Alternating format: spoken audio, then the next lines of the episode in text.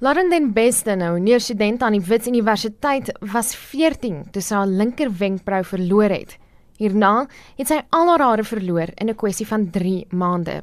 Toe ek jy weet daai laaste haartjie verloor het, het ek heeltemal nagteloos gevoel. Ek het gevoel asof een van my grootste bates op besittings het my net van my weggeneem and this is being cruelly taken away from me without my without my permission.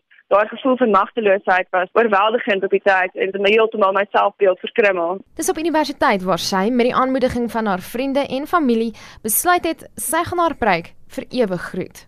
I could be free, I could be myself, I, I had a new platform to be myself and it, it did the complete opposite thing and ek so baie mag in myself gekry en ek kon kies wie ek wil wees en wat my identiteit is sonder dat ek daai druk van die samelewing so erg aanneem op myself en dat ek net eintlik vir myself my eie identiteit kan kies en ek kan doen wat ek wil doen vir myself en wat my gelukkig maak. Sy bied waardevolle raad aan ander wat in dieselfde bootjie sit.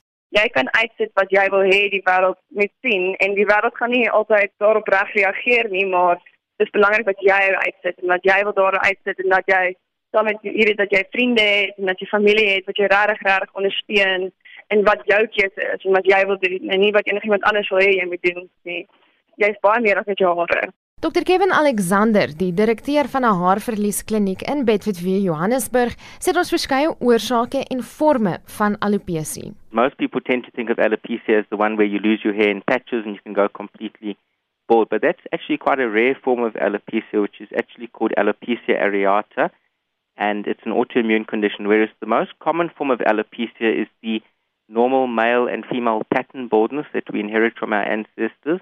In males, your thick hairs on the top of your head get replaced with thinner hairs from puberty onwards, and in females, it's a more diffuse thinning all over. But what happens in that condition is that the hairs do grow back, but they grow back thinner and finer. In meer ernstige gevalle verwerp die liggaam sy hare. It can occur in patches where we call it alopecia areata. Some people lose all their hair on their head and then we call it alopecia totalis. And if you lose all your body hair as well as alopecia universalis, that's a bit more difficult to treat compared to the genetically inherited one. Die verskillende vlakke word onderskeidelik behandel.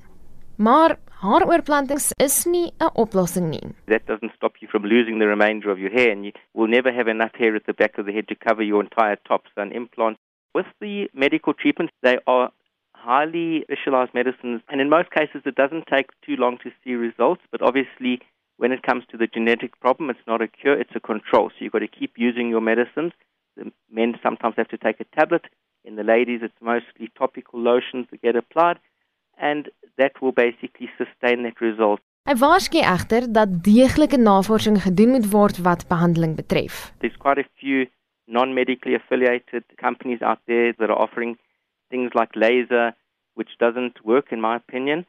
There are proper prescription medicines that can help them and actually reverse this condition, not in every case, but in a high percentage of cases.